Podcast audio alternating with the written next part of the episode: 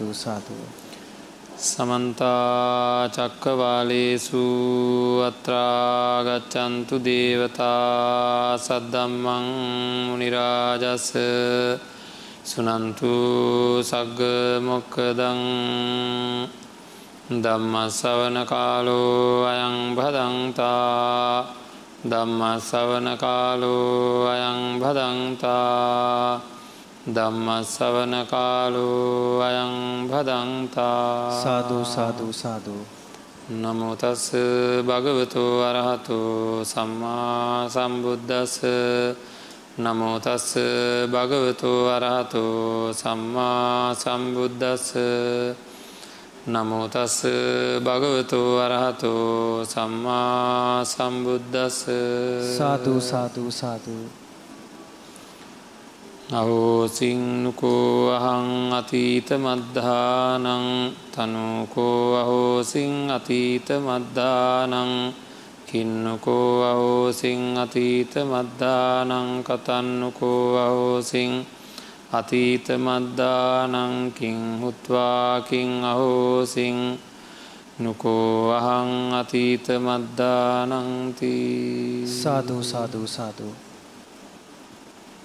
සද්ධාබුද්ධ සම්පන්න පින්නත්න සම්මා සම්බුදුරජාණන් වහන්සේ දේශනා කරපු ආකාරයට අපේ ජීවිතය සකස් කරගණ්ඩෝ නෑ මේ ජීවිතය සකස් කරගෙන සසර ජීවිතය සූපත් කරගෙන උතුම් නිර්වාණාවබෝධය පිණිස අපේ වැඩ කටයුතු ආරම්භ කරලා සියලු දුක් ගෙවන්කොට උතුම් නිවනින් සැනසෙනවා කියන ප්‍රාර්ථනාව ඇති කරගෙන කටයුතු කරන්න ඕනේ. තැවිලි දැවිලි සහිත ඇතුලාන්ත රිදවීම් ඇතිවෙන ආශ්‍රව ධර්මයන් නැති කරගන්න සියලු ආශ්‍රව ධර්මයන් නැති කරගන්න ක්‍රමවේදය මොකක්ද කියලා දේශනා කරපු සබ්භාසව සූත්‍රය ගැන සාකච්ඡා කරන දින කීපයක් මේ. ආශ්‍රවය කියන අපි හැමදාම මේ දවස් ටිකේ මතක් කරගත්තා. අපිට ඇහැට දැක්ක දෙයක් කනට අහපු දෙයක් නාසයට දිවට ශරීරයට මනසට දැනිච්ච දෙයක්. ඇහෙන් නැති වෙනකොට දකිින් නැති වෙනකොට පේෙන් නැති වෙනකොට දකිින් නැති වෙනකොට දැනෙන් නැති වෙනකොට ඒ අවස්ථාව ගිලිහෙනකොට අපේ ඉන්ද්‍රියන් වලින් ඔබ්බට ඒවා විසිරිලා යනකොට අපිට යම් කිසි ආකාරයකට ඇතිවෙන තැවීමක් දැවීමක් පරිදාහයක් වේදනාවක් කූර කටුක වේදනාවක් අපේ චිත්ත සන්තාන් වලින් ඇතිවෙනවනම් දැන් දරුවෙක් දැක දැක හිටිය දරුව පේෙන් නැති වෙනකොට කූර කටුක වේදනාවක් ඇති වෙනවා නම් ඒවයින් ඈත්වෙනවා කියන්නේ එකනේ අන්න ඒවට කියනවා ආශ්‍රව කියලා. ඉතින් ඒ ආශ්‍රව හින්දා අපි හරියට දුක් විඳිනවා. ඒ ආශ්‍රවය කියන්නේ අපේ හිතේ ඇතිවෙන තත්ත්වයක්. හිතේ ඇතිවෙන තත්ත්වයක් ඒක. ඒකින්ද තමයි අපිට අතීතයේ තිබ්බ දේවල් නැති වෙනකොට හරිම දුක් ඇති වෙනවා. ඇතුළාන්ත දුක් ඇති වෙනවා. ඉතින් ඇති වෙන හින්දානේ ඒවා විඳින්නේ. ඉතින් ඒවට කියනවා ආශ්‍රව කියලා. අන්න ඒවා නැති කරගන්න ඕනේ. ආන් ඒවා නැති කරගන්න තියෙන මාර්ගය තමයි සබ්බාසව සූත්‍රය ගැන සියලු ආශ්‍රව වලට සංවර කාරණාව කියල සඳහන් කරලා තියෙන්නේ. ඉද මේකෙද අපි දැන් දවස් දෙකක් සාකච්ඡා කර නුවන තියෙන තැනැත්තා නැත්තං ශෘතවත් ආර්ය ශ්‍රාවකයා මෙනෙහි කළ යුතු දේ දනී මෙනෙහි නොකළ යුතු දේ දනී මෙනෙහි කළ යුතු දේ මෙනෙහි කරයි මෙනෙහි නොකළ යුතු දේ මෙනෙහි නොකරයි කියන මූලධර්මය අපි ඊයත් මතක් කරා ජීවිතයට එකතු කර ගණ්ඩ ගෙදරන්න අය ගැන පවා සමාජඉන්න අය ගැන පවා මොනතරන් නරකක් කරත් කරන කෙනෙක් වුණත් නිවසේ ඉන්න කෙනෙක් ගැන වනත් අපිට නොයෙකුත් නුරුස්සන හැකීම ඇති වෙන්නේ එයාලගේ තින් නරක පැත්තම අපි මෙනෙහි කරන මෙයාගේ තින් නරකම තමයි හිතන්නේ. නරකම තමයි හිතන්න හැවලේම නැද? ඕනෑ තරම් හොඳ තියෙනවා. හොඳ හිතන එක බොහොම අඩුයි. නරක දෙවල් තියෙනවා තම යෝන කෙනෙක්ගේ. නේද? නිවසකිරන්න ස්වාමය භාරයාව ගත්තොත් ඒ ඇත්තනුත් හැබලේ බලන්න අපේ අනිත් කටිය නම් මෙහෙමයි මෙයා මෙහෙමයි මෙයා මෙහෙමයි කියලා වැරදි පැත්තමයි පේන්නේ. හුඟා කලාට අපි ධර්මානුකූල ජීවත් වෙන විදිහට ජීවී වස්තු අජීවී වස්තු කියන හැම දෙයක්ම තමන්ට ලැබිල තියෙන ජීවිතය පවා මට මයි වෙලා තියන්නේ කියලා සමහර දිනසාගන්න පවයනවා ඒමකද තෘප්තිමත් භාවයක් නැතිකම. ලැබිල තියෙන දේ පිළිබඳව උපේක්ෂාව ඇතිකර ගණඩනම් ලැබිල තියෙන දේෙන් තෘප්තිමත් වෙන්ඩ නම් තමන්ට ලැබිල තියෙන දේ පිළිබඳ අවධානය යොමු කරලා ඊටත් අඩිය නැති දෙවල් කොච්චර තිනද මේ ලෝක කියලා මෙහි කරමින් නිදහස් වෙන්ට පුළන් අපේ හිතෙන් හිතෙන් නිදහස්වීම අවශ්‍ය කරන්නේ කියන්නේ මෙනෙහි කළ යුතු දේ මෙනෙහි නොකළ යුතු දේ දැනගණ්ඩ ඕනෑ. දැන් ධර්මය සඳහන් වෙනවා මේ කාරණාවදී බුදුරජාණන් වහන්සේ කුමක්ද මෙනෙහි කළ යුතු දේ කුමක්ද මෙනෙහි නොකළ යුතු දේ කියලා සඳහන් කරලා තියෙනවා. අශෘතවත් පෘතක් ජනයා මෙන්න මෙහෙ මෙනෙහි කරනවා කියලා තියෙනවා. කොහොමද මම අතීතයේ කෙසේ සිටියාද අතීතයට අපේ හිත හරියට යනවා. හරි. මම අතීසේ කවරෙක් වෙලා සිටියාද? මං අතීතයේදී කොහොම හිටියාද? මම මම අතීතයේ සිටියාද? හරිද? එතකොට ඒ වගේම මම අතීතයේ සිටියේ නැද්ද? ඊළඟට මම අතීතයේ කවරෙක් වෙලා සිටියාද? මං අතීතයේ කෙසේ සිටියාද? මං අතීතයේ කවරෙක්ව සිට කවරෙක්ව බවට පත් වනාද ඔන්න විදිට අතීතය ගැන මෙනෙහි කරනවා. ඊළඟට මම අනාගතයේ සිටිම්ද? මම අනාගතයේ නොසිටිම්ද? මම අනාගතයේ කවරෙක් වෙලා සිටිම්ද? මං අනාගතයේ කෙසේ සිටිම්ද? මම කවරෙක් වෙලා කවරෙක් වෙයිද කියලා මෙනෙහි කරනවා. ඉළඟට වර්තමානයේ මේ කතා කරන මේ වැඩ කරන මේ ඔක්කොම හැම දෙයක්ම මේක ස්තීර වූ ආත්මයක් කියලා මෙන කර මේ වර්තමානය මම ඉන්නවාද? ඒ ස්තීරු ආත්මයක් කියෙන හැකීම ඇතිවෙන්ඩ වර්තමානයේ මම ඉන්නවාද වර්තමානයේ මම කෙසේද ආං එහෙම මෙනෙහි කරනවා අන්න මේ මම මම කියන කාරණාවක් පිළිබඳව මේ සූත්‍රය ඔන්න ඔය විදිර මෙනෙහි කිරීමෙන් මොකද වෙන්නේ එයාට තියෙන ආශ්‍රව වැඩි වෙනවා නැති ආශ්‍රව ඇති වෙනවා. කළ යුතු මෙනෙහි කිරීම තමයි තියෙන ආශ්‍රව අඩුවෙන්ඩෝ නෑ නැති ආශ්‍රව ඇතිවෙන්නේ නැතිවෙන්ඩෝනෑ. හරි දැනට දැවෙන්න තැවෙන පිච්චෙන ගති අයින්වෙන්ඩෝ නෑ අලුතෙන් ඒවා එකතු වෙන්නේ නැති වෙන්ඩ ඕන. හොඳට තේරනේ දැන් ආශ්‍රය කියන මොකක්ද කියලා? හොඳයි පින්නත්න මේ බලන්ඩ මේ අපි හොඳට පැහැදිලි කරගම. ඇයි අපේ හිත අතීතයට යන්න? අතීතර ඇත්තරම අපේ හිත යනවද? අතීතය ලුහු බැඳ වර්තමානය ගැන මින්මක් ඇතිකර ගනිමින් අනාගතය දක්වා ප්‍රාර්ථනා කරමින් යන ගමනක් අපේ තියෙනවද? ඇයි අපි හෙම ගමනක් යන්නේ කියලා? අපි පොඩ්ඩක් ඒ වගේ අර බලාපොරොත්තු නිකං මෙහමකක්ද ඇදී ඇදී ඇදී ඇදී යන ස්වභාවයක් අපේ ජීවිතේ තියනවද කියල විමසල බලන්නු ඇහ වෙන්න කියල බලන්නු දැන්ට තියෙනවද කියල බලන්නත් ඕන.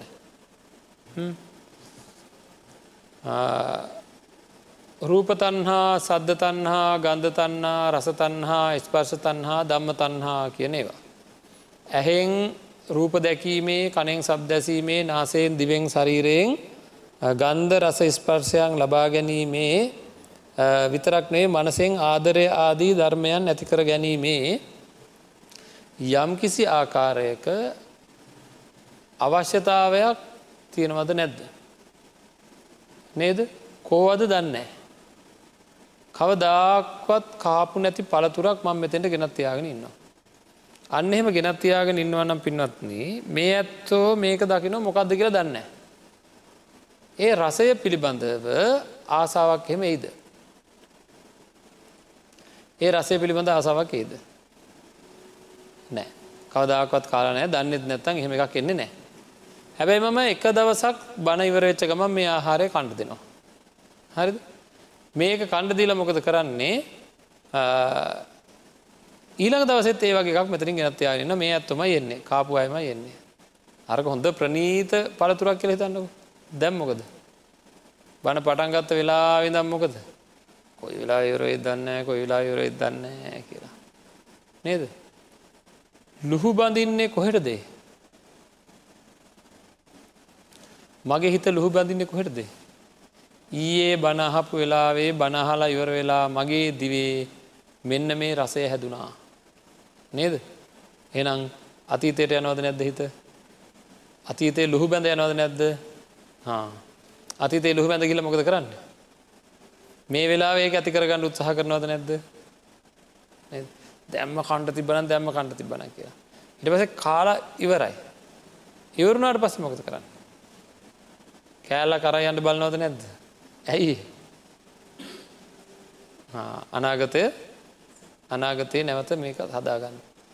හැම වෙලේම අපේ අතීතයේ ඇතිවෙන අතීතයේ ඇතිවෙච්චදේ ලුහු බැඳ වර්තමානයේ පිරික්සමින් අනාගතය දක්වා අරගෙන යන්ට මම උත්සාහ කරනවද නැද්ද. නේද. එතකොට අන්නේ අතීතයේ ඉඳං වර්තමානය හරහා අනාගතය දක්වා අරගෙන යන්ඩ උත්සාහ කරන්නේ මොනවද කියල හොයන්ඩ ඕන අපි මොනවදේ අර යන්ඩ හදන්නේ රූපය වේදනාව සංඥාව සංකාරය විඤ්ඥානය හරිද මං අරයන්ට හදනවා. අරයියන්ට හදන්නේ තන්හාාවෙන් තන්හාාව කියන්නේ අර බලන්ට අතීතය මතකනට මේ රස තායෝනෑ කියල ඔන්න රූපතන් රස තන්හා ඇතිවෙනවා. නේද? අතීතයේ දැක්ක රූපයක් නැවත දැකීමේ ආසාාවකින් ඉන්නවා. මේ දෙක කොහොම හරි පවත්ත ගණ්ඩ උත්සාහ කරනවා නවත්ත ගණ්ඩ උත්සාහ කරනවා. මේ රූපය මම මගේ වසගේට ගන්නවාමයි කියලා යම් උත්සාහයක් ගන්නවා.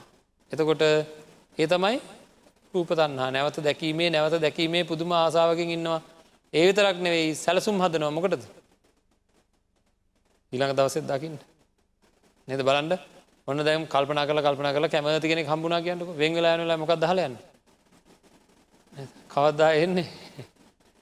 නේ දෙනම් ඇයි අතීත අනාගතය දක්ක මට මේ දැන් මේ වස්තුව දැකීමෙන් ලැබුණා වූ යම් කිසි සැපවේදනාවත් තියෙනවා නම් ඒක මං අනාගතයට අරයියන්ඩ ඕනෑ කියලා මගේ අදහසක් අදහසක් තියෙනවා ඒ සඳහා මට තන්හාව තියෙනවා. එහෙනම් අතීතයේ ඉඳං වර්තමානය හරහා අනාගතය දක්වා මම පංචුපාදානස්කන්දය අරගෙන යන්ට හදනවද නැද රූප වේදනා සංඥා සංකාර විඤ්ඥාන පිළිබඳව මට අතීත වර්තමාන අනාගත වසයෙන් තන්හාව තියෙනවා. එන අතීතයට මගේ හිත ලොහු බැඳ අනාගතය ප්‍රාර්ථනා කෙරෙන ගතියක් තියෙනවා. ඊළඟට පින්නත්න ඇත්තර මෙම අරයන්න පුළුවන්ද දන්න. හරිද අපිට එහෙම අරයන්ට පුළුවන්ද දන්න. අපි හිතනව එහෙම අරයන්ට පුළුවන් කියලා. මං අහන මේ ඇත්තන්ගෙන් එක වෙලාවක අපිට දැනුනා නං කාගේ හරි කාගේ හරි නැතම මෙහෙම කියන්න? මේ ලෝකයේ රූප තියනවා. අපි හිතමුකෝ අපි වේදනාව ගැනම ගමකු. මගේ ඇහේ ඇතිවෙන සැපවේදනාවක් නැත්තම් මගේ හිතේ ඇතිවෙන සැපවේදනාවක් කවුරුන් හෝ දැකලා. හරි මම කාවහරි දැකලා කාගහැරි ලස්සන රූපයක් දැකලා ප්‍රියභාවයක් ඇති වෙලා ඒක හින්දා මට ඇතිවෙනවන සැපවේදනාව නේද. මම උත්සාහ කරනවා අන්න ඒ තැනැත්තාව අපේ නිවසරෙක් අයන්න. ඇයි අනාගතයේ සැපවේදනා ලබාගන්නට කියලා. එයාගේ ඒ ශරීරය මට ඕන හැටියටම තියාගන්න පුළුවන්ද දන්න. එතුර අපි හිතන මේ දිරල යනවන අරම එකට කල්තියනවන කියලා නෑ මං උදේ මොකද කරන්න? මොකද මගේ එකම බලාපොරොත්තුනේ අර පරණ සැපවේදනාව නැවත ඇති කරගන්නන. උදේ මොකද කරන්නේ? ගිහිල බලනවරයාගේ මුණ දිහා. බලනකොට මොකකර එකට තරහා ගිල මුණ මහ භයානක මූුණක් කරගෙනන්නවා දැම් මොකද වෙන්නේ? අන්න එහෙනම් ඒ රූපය මට ඕන හැටිට පවත්තන්ඩ බෑ. ඊළඟට මගේ ඇහැ කොයි වෙලා වැඩ කරන්නේ? මට ඕන විදිහටද? නෑ. එක කැමති ඒවත් බලනවා අකමැති පේවත් බලනවා එක අඳුරු වෙලා පේනවා එක දැල් දැම්ම වගේ පේනවා නේද. එතුර අර රූපය මං කොහොමාර එක දිකර තියාගන්නඩ කියලා මේ ඇහැවාවිච්චි කරන්න ගියොත් ඇහැ මට ඕන හැට තියෙන්නේ නෑ එන හැබලේ වෙනස්න සමහරයට ළඟ පේනෑ දුර පේනෑ ඒ වගේ නොයෙකුත් වෙනස්කං. එහෙනම් ඇහැයි රූපයයි දෙකම හේතු වෙලා උපදින්නා වූ විඤ්ඥානය මට ඕන වෙලාවට මට ඕන තැනේ උපදීද. නෑ. එනම් හරි දැම් බලන්ඩ ඒ ඇහැත් රූපයත් විඤ්ඥානයත් කියන තුනේම එකතුව තමයි වේදනාව කියන්න. හරි එතකොට අර දෙක මට ඕන හැටියට තියෙන ඒවත් නෙවෙයි විඤ්ඥානය ඒ දෙක මතරඳා පවතිනයවා එකක් දරුව තුනේම එකතුව තමයි ස්පර්ශය කියලා කියන්නේ ආගේ ස්පර්ශය හිද තමයි මට වේදනා හටගන්න. දැන් ඒ වේදනාව මට ඕන වෙලාවට මට ඕන විදිහට මට ඕන තැනකද හැදේද මොක දරව එකතු කරන වැඩේ කරන මන්ද? නෑ. නෙ අපි තවදාහරණයක් ගමකු. අඹ රස තියෙන්නේ අඹවල අඹ රස තියෙනවද? අඹවල අඹ රස තියෙනවද? නෑ. එ කොස්වල දන්න අඹ රස තියෙන නේද? අඹවල අඹ රස තියෙනවද? තියෙනවා. හොඳට විශ්වාසද?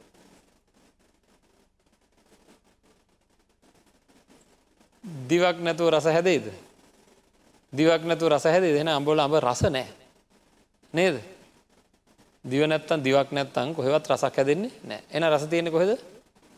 ආදිවේ නේද? දිවේ රස තියෙනවා කියලා ගත්තොත් එහෙනම් දැන් දැම් විඳින්ටක බලන්න. අඹ නැතුව පුළුවන්ද දිවෙන රසවිඳන්න බෑ. එනම් අඹයි දිවයි දෙක මෝනෑ අඹයි දිවයි දෙක මෝනෑ එහෙමද? හොඳයි. අඹයි දිවයි දෙකම තිබුණත් සමහර වෙලාට රූපවායන දිහා බලාගෙනහෙම කෑමකක්දී කාපු ඒව දන්නවත් නෑ එහෙනම් රස තියෙනෙ කොහෙද? ආසි තේසි තේසි. එහෙනම් දැන් අඹයි දිවයි දෙකම නැතුව බලන් රසවිඳින් බලන්න අඹ රස. මෙනෙහි කරාට විඳින්ට බෑ. විඳින්ට බෑ. එහෙනම් තේරෙනවද? අඹ නිසා උපදනා වූ සැපවේදනාවක් තියෙනව නං ඒක අඹත්තෝ නෑ දිවත්තෝ නෑ හිතත්තෝ නෑ නේද? තුනේම එකතු අයි ස්පර්ශය. හරි දැන් බලන්ඩ පින්නත්න මේක කොච්චර වෙනස් නද කියලා එකම අඹගෙඩියක් අරගෙන චුට්ටක් වෙලා කනකොට ඉස්සෙල්ලාම කනකොට රසයි. හරිද? ඒ ජාතියම දෙවනියට අඹගෙඩිය කනකොට රස අඩුවී තවතුන් අබත්තියනවා දිවත්තියන එන්ඩෙන් එන්ඩෙන්ට සැපවේදනාමක දෙන්න අඩුවගෙන අඩුවගෙන යනවා. ඒක මට ඕන හැටියට වෙන්නේ නෑ. එතකොට මට අතීතයේ ඉඳං වර්තමානය හරහා අනාගතය දක්වා පුළුවන්ද මේ වේදනාවරයි යන්න? බෑපින්නත් නේද? කැමති කෙන දකිදි සැපවේදන ඇති වුණ අයාව ටිකක් වැඩිපුර දකිද්දි එයාම දැකල දුක් වේදන හට ගන්න පටන් ගන්නවා. නේද? විටක කෙනෙක්ගේ ආදරය හින්ද අපිට සැපවේදනාව ඇති වෙනවා. වෙලාවකට? ඒ ආදරයම හින්දා ඒ ආදරේ ඒ පැත්තෙන් ආදරය එකම විදිහට ලැබෙන්නෙත් නෑ. ලැබුණත් අප හිතන්නක මොනහරි හේතුවකුල ලැබුණ කියලා අපේ හිත ඒක පිළිගන්ට එක වෙලාවට කැමති නෑ. රුස්සන්න නෑ. නේද? රුසන්නෑ නේද? එතකොට ඒ ආදරය හින්ද හෙනම් ඇතිවෙන වේදනාව වෙනස් වෙන හැමිලේම එතකොට බලන්ඩ පින්නත්න හැම නිමේශයකම මෙවා වෙනස් වෙන හැටි. මේවා මට පවත්තගෙනයන් පුළුවන්කමක් ඇත්ති නෑ. මං මේක අතීතයේ තිබුණ වේදනාව වර්තමානය ස්පර්ශ කරගෙන අනාගතය දක්වා මම කොහොම හරි මේ කරයි යනවා කියලා අදහසක් තියෙනවනං ඒ අදහස හරිද වැරදිද. ඒ අදහස වැරදි ඒ අදහස් වැරදි ඒක ඒක මං මේක කරනවා කියලා කාටහරි අදහස මම මේක කරනවා කියලා අදහසත් තියෙනවනම් ඒක වැටෙන් එතකොට දෘෂ්ටියකට. තන්හා මදිවට නද? අතීතයේ ලුහු බඳින්නේම තන්හාාවෙන් විතරක් නෙවේ දෘෂ්ටියෙන්. අද මම මේක රැකගන්නම් මම මේක නේද? ඕකට උත්සාහ කරන සමහරයට කෝච්චිවලට පයින්ඩ වෙලා. බැරි බව දැනකොට ඉවර විනාසයි නේද? බැරි බාදන තමන්ට පවත්තක අනුන්ගේ රූපය පවත්තන්ට පුළුවන්ද? බෑ. අනුන්ගේ වේදනා පවත්තන්ට පුළුවන්ද? බෑ.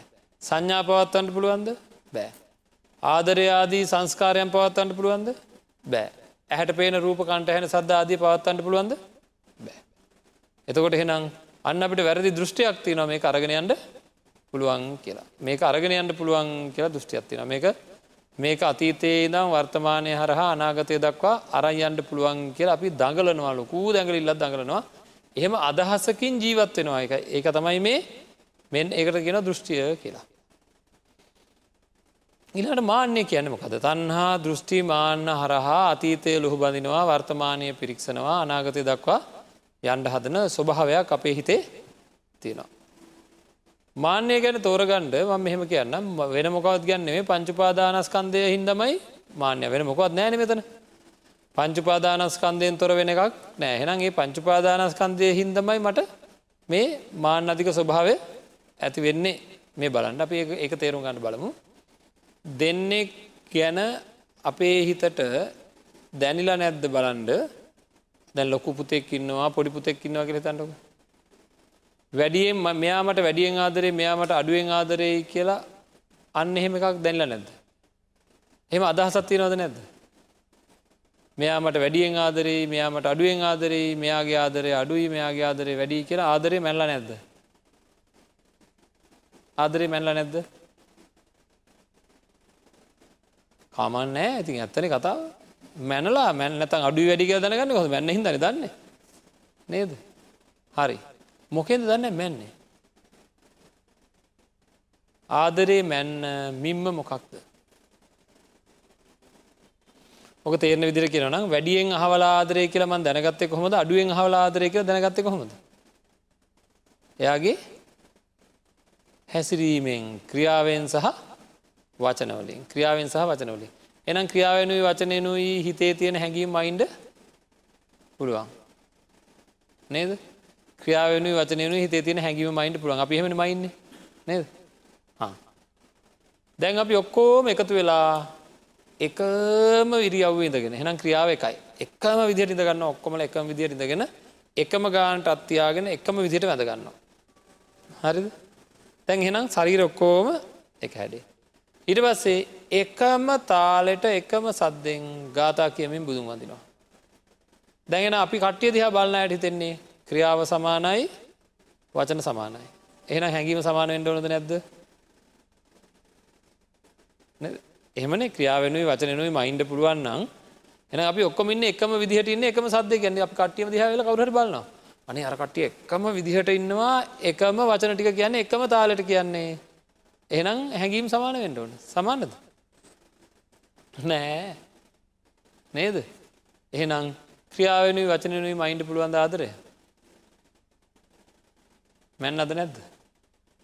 නේද? මැන් අද නැද්ද? එන එක හරිද? ඒකන අන්තිමට තේරෙන්නේ අන්තිමට අපිම කියනවා. හිතා හිටියෙක් කෙන නෙවේ නේද? හැසිරිච්ච විදියට අපි හිතුවේ මෙහෙම කෙනෙක් කියලා. බලනකොට එහෙම නෑ කියලා අපිටම තේරෙනවා පසුව නේද? ඉන්න ඇති මම මේ බලන්ඩ මම කාගෙහරි කරට අත තියෙනකොට මට යම් හැඟීමක් උපතිනවා නේද? ඒක දැනෙන්නේ කාටද? මට. එයා එතකොට මම මෙහෙම කරට අත තියෙනකොට එයා එයාගේ අතරම් මගේ කරෙන් තියෙනවා. එතකොට මට හිතෙන්නේ මොකක්ද මට හිතෙන්නේ මොකක්ද මට යම් හැඟීමක් ඇති වුණාද? ඒ වගේම හැඟීමක් එයාට ඇති වුණා කියලා. එක හරිත් දන්න ඒක හරි කියලා කියන්න බෑ. එනම් අපි මං ගැන අදහසක් ඇති කරන්න ඉන්නේ මේ මට බුදුරජාණන් වහන්සේ ගැන තියෙන හැඟීම මෙන්න අනිත් අයට තියෙන හැඟීම මෙන්න ඊටත් වැඩි හර්තින හැඟීම කියලා මං මම කියලා මේ අතීතය දක්වා ලොහු බැඳගෙන යන මේ මම ඔන්න ඔය විදිට මැනල හදාගත්ත එකක්ද නැද්ද?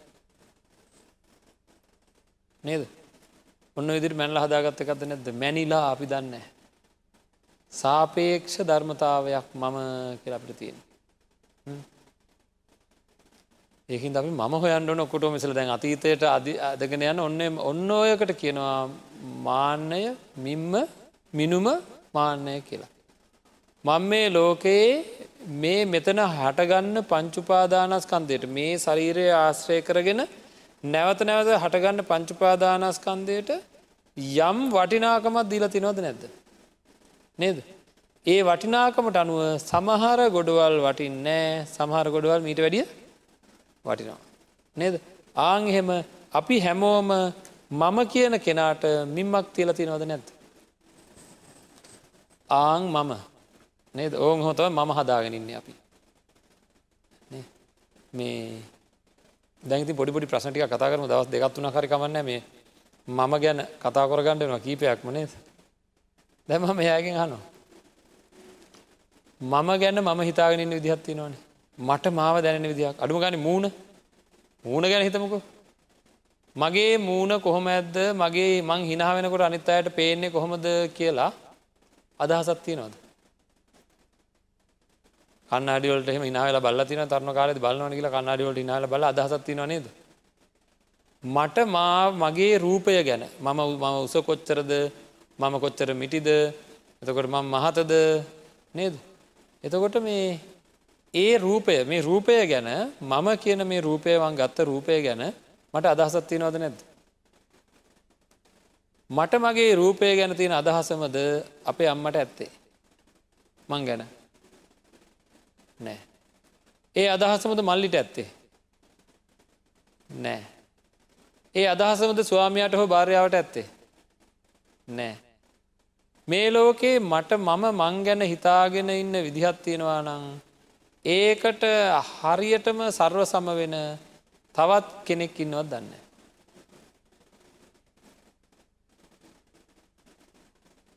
නෑ.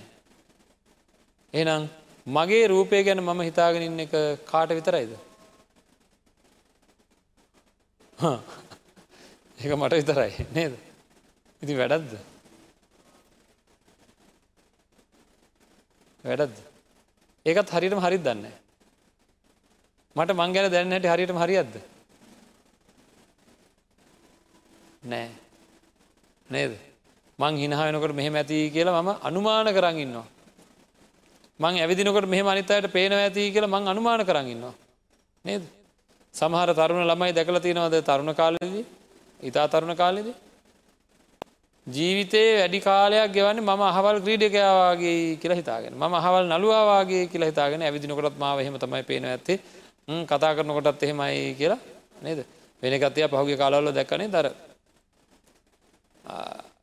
උතුරු කරේ අර කඩුවලින් කිනිසිවලින් කොටලා නේද? එක එක්කෙනා මරන්ඩ එක හේතුවක් කියලා කියනවා ද්‍රවිඩ චිත්‍රපටි ඒ ඒ ඒ රඟපෑම කරන්නයි ඒක මැත තියෙන ඒ විදිහට ඇවිල්ලා බයිසිකොලින් ඇවිල්ලා ඇතට පැනලා කපලා කොටලා හැන්ටේ වගේ. නේද? කොච්චර නං මේක නේද? අර එක එක එක දෙවල්ලට මමත්වයකින් වැටෙනවද? අන්න ඒ මම මං ගැන මම හිතාගෙන ඉන්න මගේ රූපය ගැන මම හිතාගෙන ඉන්නදේ මට විතරයි. හරි. මං මේ ලෝකෙ ඉන්නකොට ගඳ සුවඳ ආග්‍රහණය ඇවිල්ලා මට යම් කිසි වේදනාවක් ඇති වෙනවා කෙරෙතන්න කොනික වේදනාව ගැන අපිහිතමක පොඩ්ඩ එතකොට අපේ ගෙදර ඉන්නවා බල්ලෙක් එයාට ඒ ගඳ දෑන විදිහයි මට ගඳ දෑන විදිහ එකම දන්න අපි හොඳරම දන්න බල්ලත් එක් ගත්තොත්න නෑයට ඉව තියෙනවා කියල හෙන එයාට මට දැනෙන් නැති ගඳ එනම් සමහරයවා එයාට සැරර් දෑනවා අපි ඔක්කොටෝමත් තියෙනවා ගහනේන්ද්‍රිය කෙල එකක් ඒකේ අඩු වැඩිකං වෙනස්කන් තියෙන්ට පුළුවන්ද බැයිද. මට යම් සුවදක්හින්දා ඇතිවන්න වූ යම් සැපවේදනවත් තියනවන අනිත් අයටත් ඒකම ඇතිවෙනවා කියලා කියන්න පුළුවන්ද. අඹ රස වට්ටක්කා රස මුං ඇට රස පරිප්පු රස කියල මං හඳුරනවා මට සංඥාවත්තිනවා. රස සංඥාවල් වගේ අත්තිනවා. අනිත් අයට රස පිළිබඳ තියෙන සංඥා මට විදිහමයි කියලා කියන්න පුළුවන්ද. බෑ ඒවා වෙනස් නේද. එන වේදනාව විතරන්නේ මේ සංඥාව මට මං ගැන මට මගේ සංඥා ගැන තියෙන යම් කිසි මිම්මක් තියෙනවද ඒ විදිහම එකක් තමයි එහා පැත්තර දැනෙන්නේ කියලා මට කියන්න පුළුවන්කමක් නෑ. එනම් මට දැනෙන සංඥා කාට විතරයිද මට විතරයි. ඒකත් හරිටම හරි දන්නේ. නේද. ඉස්සෙල් අපි ආදරය ගැන කිවා.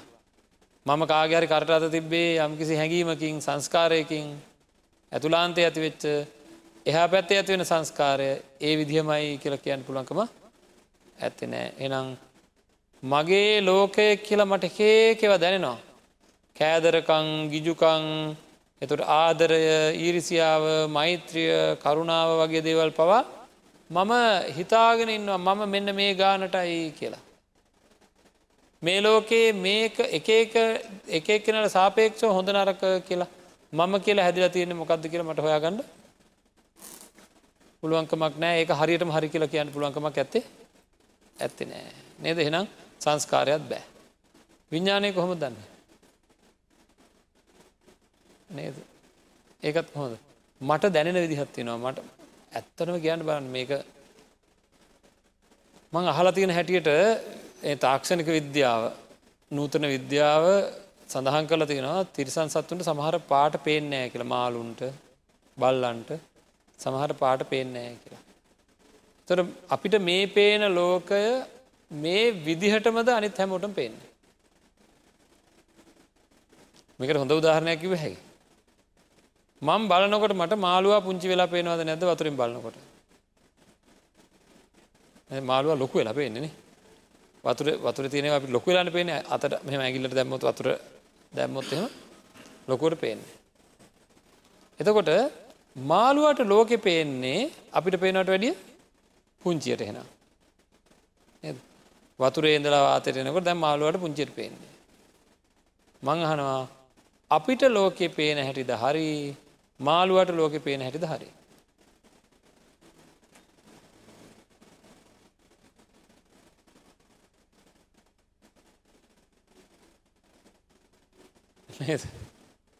ඉතින් එහෙනම් කිය දෙකම හරි දෙකමරි ඒයට සාපෙක්ෂ මට පේන විදිහටම හැමෝටම පේනවා කියලා ගන්න පුළුවන්කම නෑ. මම ඒවනට හිතන්නේ කොහොඳ මේ ලෝක ගැන? ඔකෝ මට පේන විදිහමයි ඔකොටෝම පේන කියලා. තකොට අර බලන්ඩ මට මේ රූපවේදනා සංඥා සංකාර විඤ්ඥාන කියලා අන්නේ ගොඩ කොටස්වලින් මට මම එක් හැදිලා ඉන්නවා. එ මම මෙහෙමයි කියලා මාන්‍යයක් හැදිලා ඉන්නවා. ඒ විතරන්න වෙයි ඒ හැදිච්චදේ ඉස්සරහට අරයන්ට පුළුවන් කියලා දෘෂ්ටියක් හැදිලා ඉන්නවා.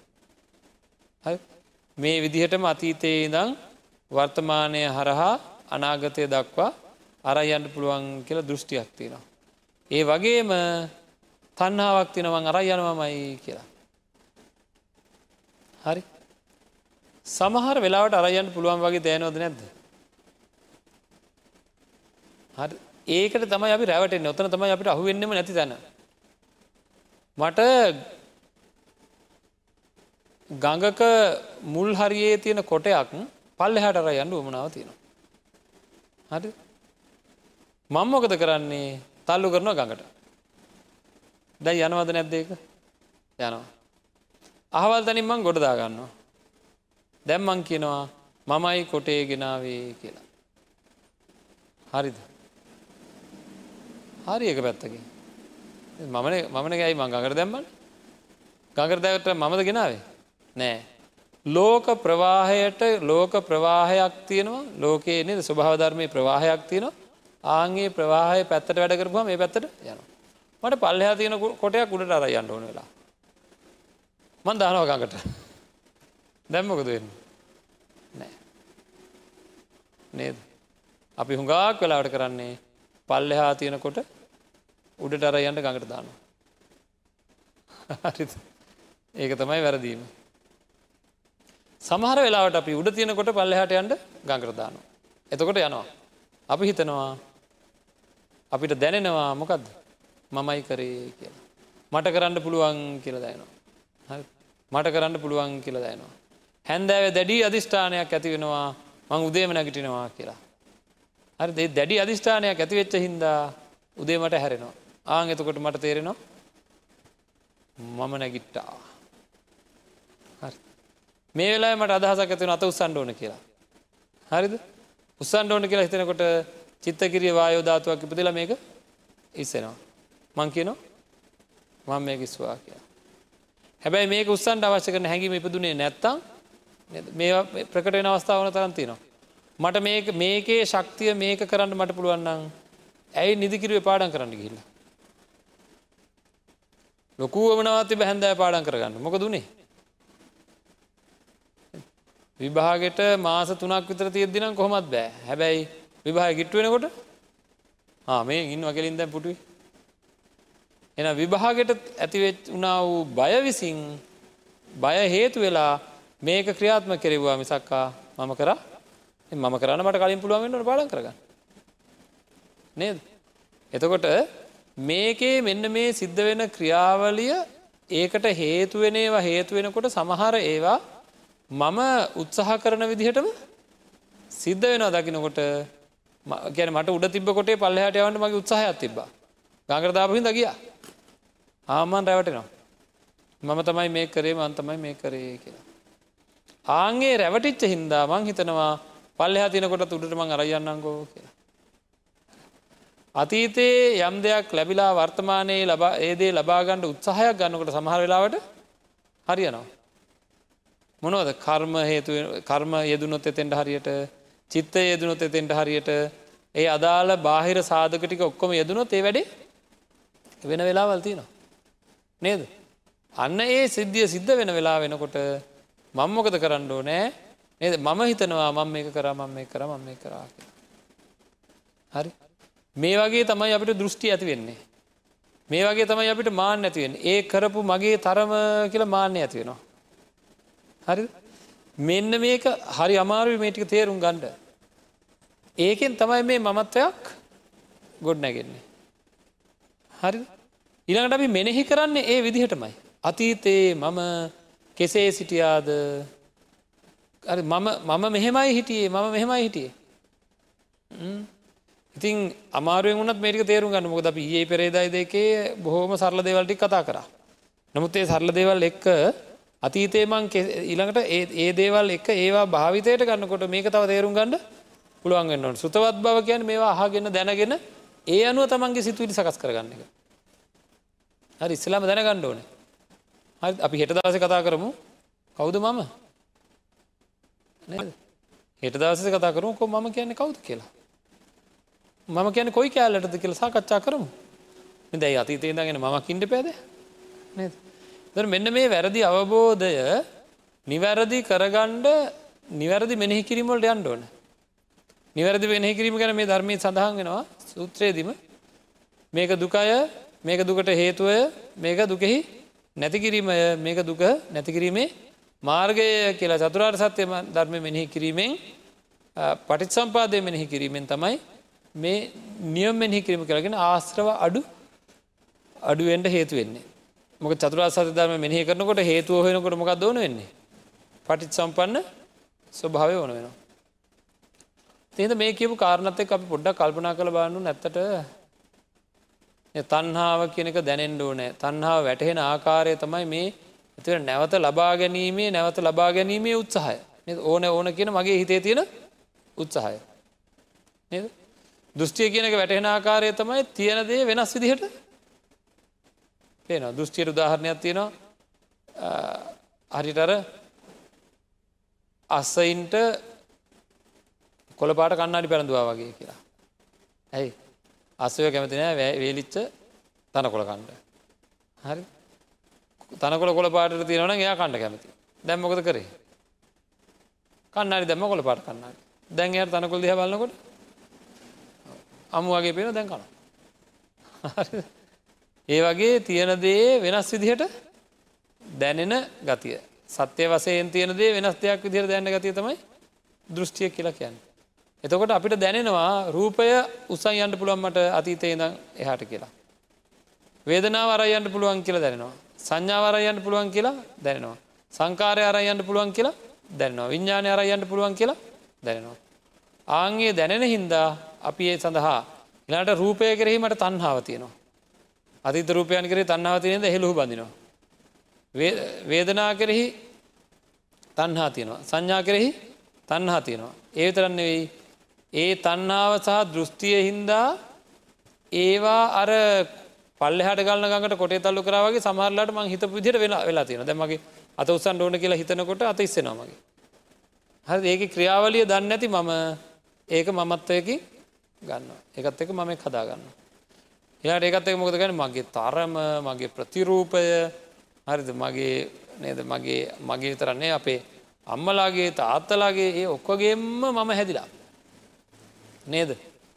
මම මම මේ කුලේය මම මේ පාටය මම මේ මම මේ විදිහය මම මේ වගේ දැනුවත්ය. නේද? කියලා. ඒ මම අරගෙන හැම තැනම යන්නේ අපේ අම්ම ඒ මමට තියෙන එකතු වෙලා තියෙන දේව දැකල තින දැවිදිනකොට හෙම හැඳුමක් ඇඳගත්තොත් ඇවිදින්න වෙන විදිහකට ගෙදරන්නකට ඇවිදින්න එක විදිහකට. හසේ ම වෙනස ඇඳුමෙන් වෙනස හැටි ම හදිසියෙන් වෙනස් වෙනවා. නේද?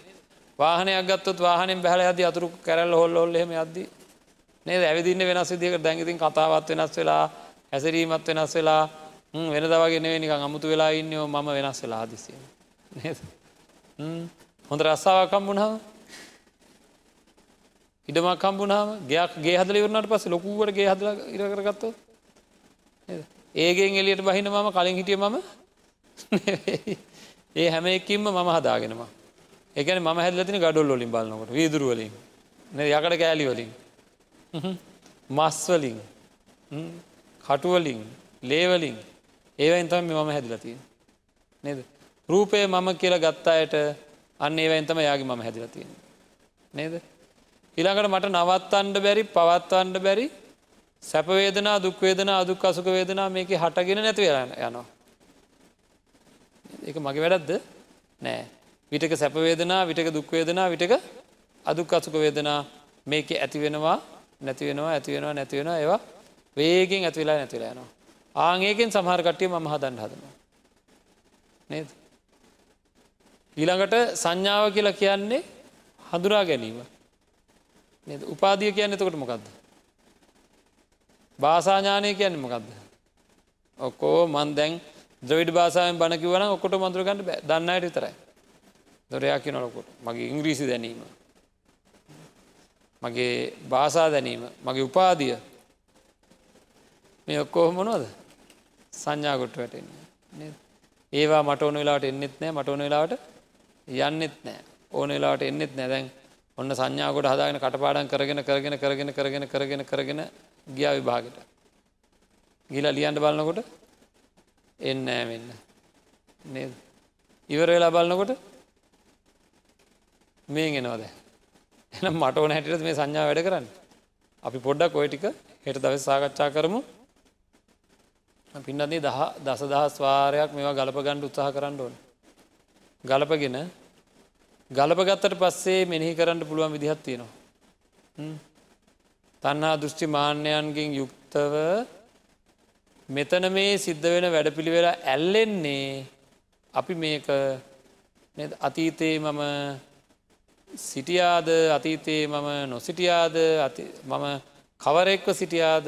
කවරෙක් වෙලා කවරෙක්ව සිටියාද කියලා මෙනෙහි කර කර මෙනෙහි කර කර එහෙම අපිට දැනෙන හින්ද අතීතයේ මම හිටිය කියලා දැනෙන හින්ද දැනෙන්නේ මොනවයිද තන්නාවෙන් දෘෂ්ටියෙන් තන්නා දෘෂ්ටිමාන්න යෙදෙන හින්දයි අරක මට දැනෙන්නේ. එන අපි එකට ප්‍රතිවරුද්ධව මෙනෙහි කරන්න පටන් ගණ්ඩෝන. ඒකට ප්‍රතිවරුද්ධ මෙහි කරන්න පටන් ගන්න ඕන ඇත්ත මෙහි කරන්න පටන් ගන්න එකට පටිත් සම්පාදය ගැන හොයන්ඩ ඕන. හරි පංචුපාදානස්කන්දය ගැන හොයන්ඩ ඕන පංචුපාදානස්කන්දය පටිත් සම්පාදය ගැන හොයනකොට අපි පින්නත්න අපිට මොකද වෙන්නේ. මේක දැනෙන්ඩ පටන් ගන්නවා ඇති සැටිය. මේක හේතු ඇති කල්හි ඇති වෙන එක. නේද. කොටේ අරකට දාපු හාම හේතු සකස් වන පල්ල හට ගල නිවතුර. එහිද කොටේ ගියා. ඒ හේතු ඇතිකල්හි ඇතිවෙන හේතු නැතිවෙනකොට නැතිවෙන එකක් මිසක්කා සත්තයෙක් පුද්ගලයෙක් මමය කියලා ගණඩ පුලන්කම ඇතනෑ පටිත් සම්පාත් ධර්මය මේකට එකතු වෙනකොට අවසානය අපට සත්ව පුද්ගල සංඥාව නැතිවෙලා යනවා. හරිද පටි සම්පන්න මෙනි කරනකට සත්ව පුද්ගල සංඥාව නැතිවෙලා යනවා. එහෙම නැතුව නේද? මේක සම්මත කරගන්න සමට මේ දන්නවද සතෙක් නෑ පුද්ගලයෙක් නෑ කියලා මේ දැනෙනවා සතා දැනෙනවා පුද්ගලය. අහෝසි වෙලා නෑ. හැබැයි තමන් එක මුලාවට පත්වෙනවා. එකද මේ සෝවාන් මගනුවනින් පහකළ යුතු ආශ්‍රව ගැන කතා කරමින් ඉන්නේ. මන්දන්න කවද මේ කොටස කවද මේ කොට ඉවර කරගන්න පුළුවන් හැටිකට අපි කතා කළ ඉවර කරගන්න බලමු. ටික ටික ටික ටික හැමදාම ටිකක් කතා කරලා කොහමරි මේ තත්වට අපේ මනසිකාරය සකස් වෙනකොට කොහොමදේ ආශ්‍රව අයින් වෙන්න කියලා සාකච්ඡා කරමු ටික ටික තේරෙන විදිහට. හොඳයි. අදවස අපි බොහෝ දේවල් සාකච්ඡා කරා. මඟතැන් ලොකූ පුුණ්‍ය ශක්තියක් මේ ඇත්තන්ට මේ ඇත්තු බාහු බලය යොදල හරියම්භ කරගත්ත ධනවී පැදන් කරලා තමයි මේ දානමය පුුණ්‍ය කර්මය සිද්ධ කරව්වේ. ඉතිං කොහයාරි තැනක බණහපු කෙනෙක් බණහපු වාරයක් පාරයක් ගානේ ඒ අත්තන්ට යම්කිසි අදහසක් ඇති වුණනම් මම මේ ධර්මය හොයන්ඩෝ නෑ මොකද මේ කියන්න කියලා. ඒ අය ධර්මය තුළ හැසිරෙන්ට හදන හැම වාරයකදීම මේ අත්තන්ට බොහෝ පින් රැස්සෙනවා ධර්මදානම පුුණ කර්මය සිද්ධ කර පැත්තන බොහෝ පින්ටස ති අපි ප්‍රාර්ථනා කරන මේ අත්තන්ට උතුම් නිර්වාණ අවබෝධය සඳහාම මේ සියලු පුුණ ශක්තිය හේතුවේවා කර ප්‍රාර්ථනා කරන මේ උතුම් ධර්මදානය හැම දෙනාට මුතුන් නිවරාණ අවබෝධය සඳහාම හේතුවේවා කර ප්‍රාර්ථනා කරනවා. අද දවසේ මේ ධර්ම දෙසනාවේ දායකත්වය දරලා තියෙන්නේ නාවල පස්සනි පටුමගේ පදිංචි නාරංගොඩ පවුලේ සහෝදර සහෝදරයන් සහ ඔවුන්ගේ පවුල දූපුතුන්. අප පවුල්ල සහ ඥාතීත මිත්‍රාදීන් නමින් මියගේ සියලම දේමාපිය ඥාතීන මිත්‍රාදීන්ට පරලෝ සුගතිය පිණිස හේතු වේවා. සුදිවත්සින් අපි සියලු දෙනාගේ දෙලෝ වැඩ පිණිසත් උතුම් නිවනින් සැනසීමරත් මේ දෙසුම් උපකාරයක් වේවා. ලෝක සත්වයින්ට අහන හැම කෙනෙකුටම ඇසන මානයේ වාසය කරන හැම කෙනෙකුට මුතුම් නිවනින් සැනසෙන්න්නට මේ පින් හේතුවෙනවා ඒවා කින අදහසින් තමයි ඇත්තෝ. ධර්ම දේශනාව සඳහා දායකත්ව දරන්න ඉතින්ගේ හැම දෙනාටම නිදුක් නිරෝගී චිරජීවනය ලැබේවා මේ පල්ලො ගැත්තන් මේ පින් අනමෝදන් වේවා හැම දෙනාට මුතුම් නිවනින් සැනසෙන්ඩ මේ පින් හේතුවේවා කර ප්‍රාර්ථනා කරන. ආකා සට්ටාච බුම්මට්ටා දේවානාගා මහිද්දිකා පුඤ්ඥන්තන් අනමෝදිත්වා චිරංරක්කංතු ශාසනං චිරංරක්කංතු දේශනං චිරංරක්කං තුමං පරන්ති. Thank you.